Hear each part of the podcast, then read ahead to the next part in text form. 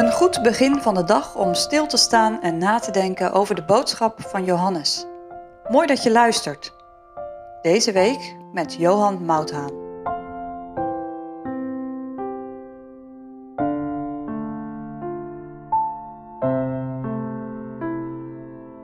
Vandaag denken we na over waarheid en liefde.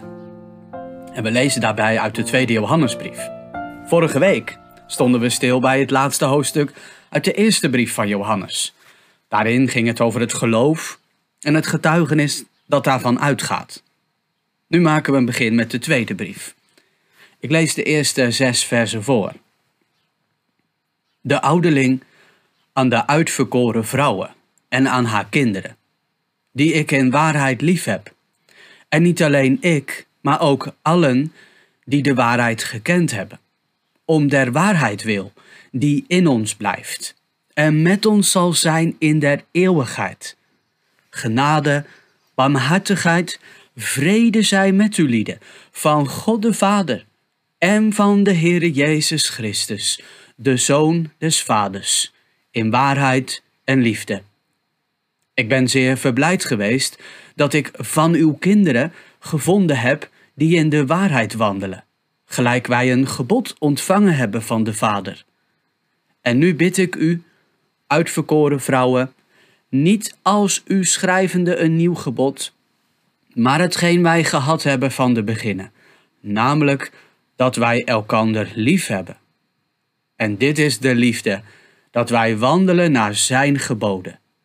Dit is het gebod, gelijk gij lieden van de beginnen gehoord hebt, dat gij in hetzelfde zoudt wandelen.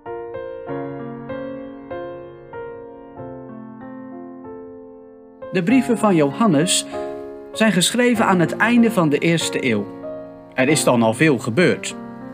De Heer Jezus is opgevaren naar de hemel en, zoals we vandaag ook herdenken, de Heilige Geest is uitgestort en de apostelen hebben het evangelie op veel plaatsen gebracht.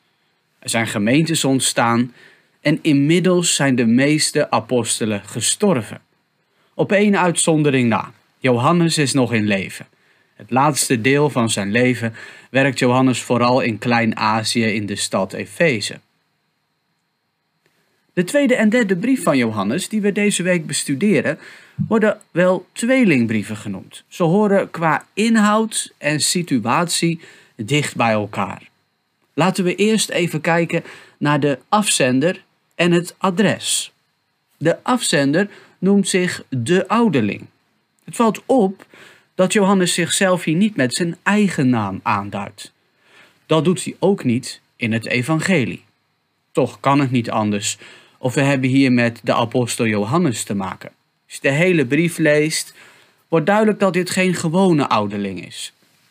De naam de ouderling is het beste op te vatten als een erenaam voor Johannes.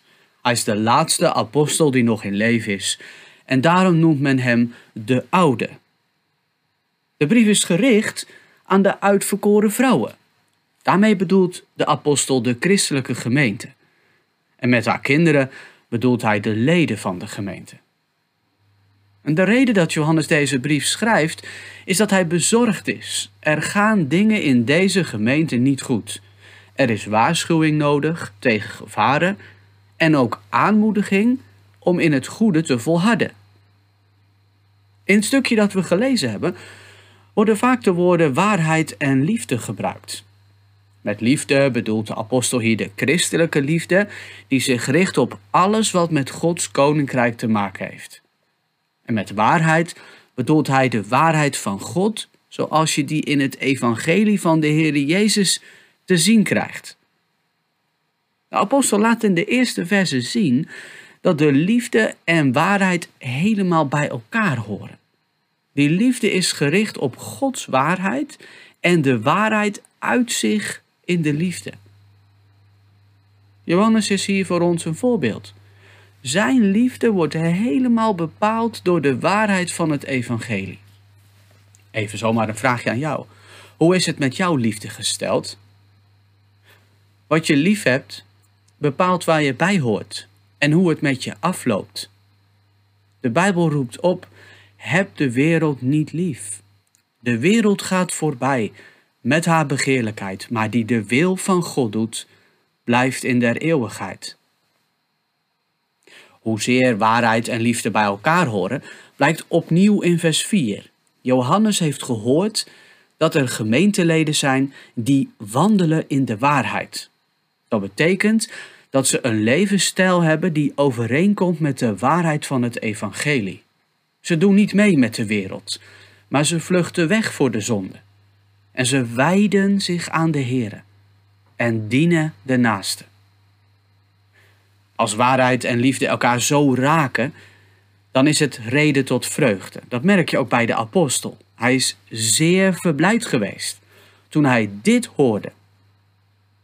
Aan de blijdschap van de apostel kleeft wel een schaduwrand. Niet alle gemeenteleden wandelen zo. Hij schrijft nadrukkelijk: Ik ben zeer verblijd geweest dat ik van uw kinderen gevonden heb. Er waren dus ook kinderen, en hij bedoelt daarmee gemeenteleden, die niet in de waarheid wandelen. Dat is erg. Wandelen in de waarheid is gehoorzaamheid aan Gods gebod. En wie niet in de waarheid wandelt, is dus ongehoorzaam aan God. En daarom, omdat de apostel dat ziet en weet, gaat de apostel in het vijfde vers over tot een aansporing. En nu, ik bid u, dat wij elkaar lief hebben. En dit is de liefde, dat wij wandelen naar zijn geboden. Hij dringt aan op een leven in gehoorzaamheid aan Gods woord en in liefde tot elkaar de wet te vervullen. Johannes schrijft deze brief aan de gemeente. Alle leden van de gemeente worden opgeroepen om voor de Here te leven. Jij hoort ook bij de gemeente. En je voelt het al aan, de Heere wil ook dat jij voor Hem leeft. Nee, dat kun je niet uit jezelf. Daarvoor moet je eerst Gods waarheid kennen zoals die in de Heere Jezus is. Maar de vraag blijft, waar ligt jouw hart? Wie krijgt jouw liefde? Welke waarheid volg jij?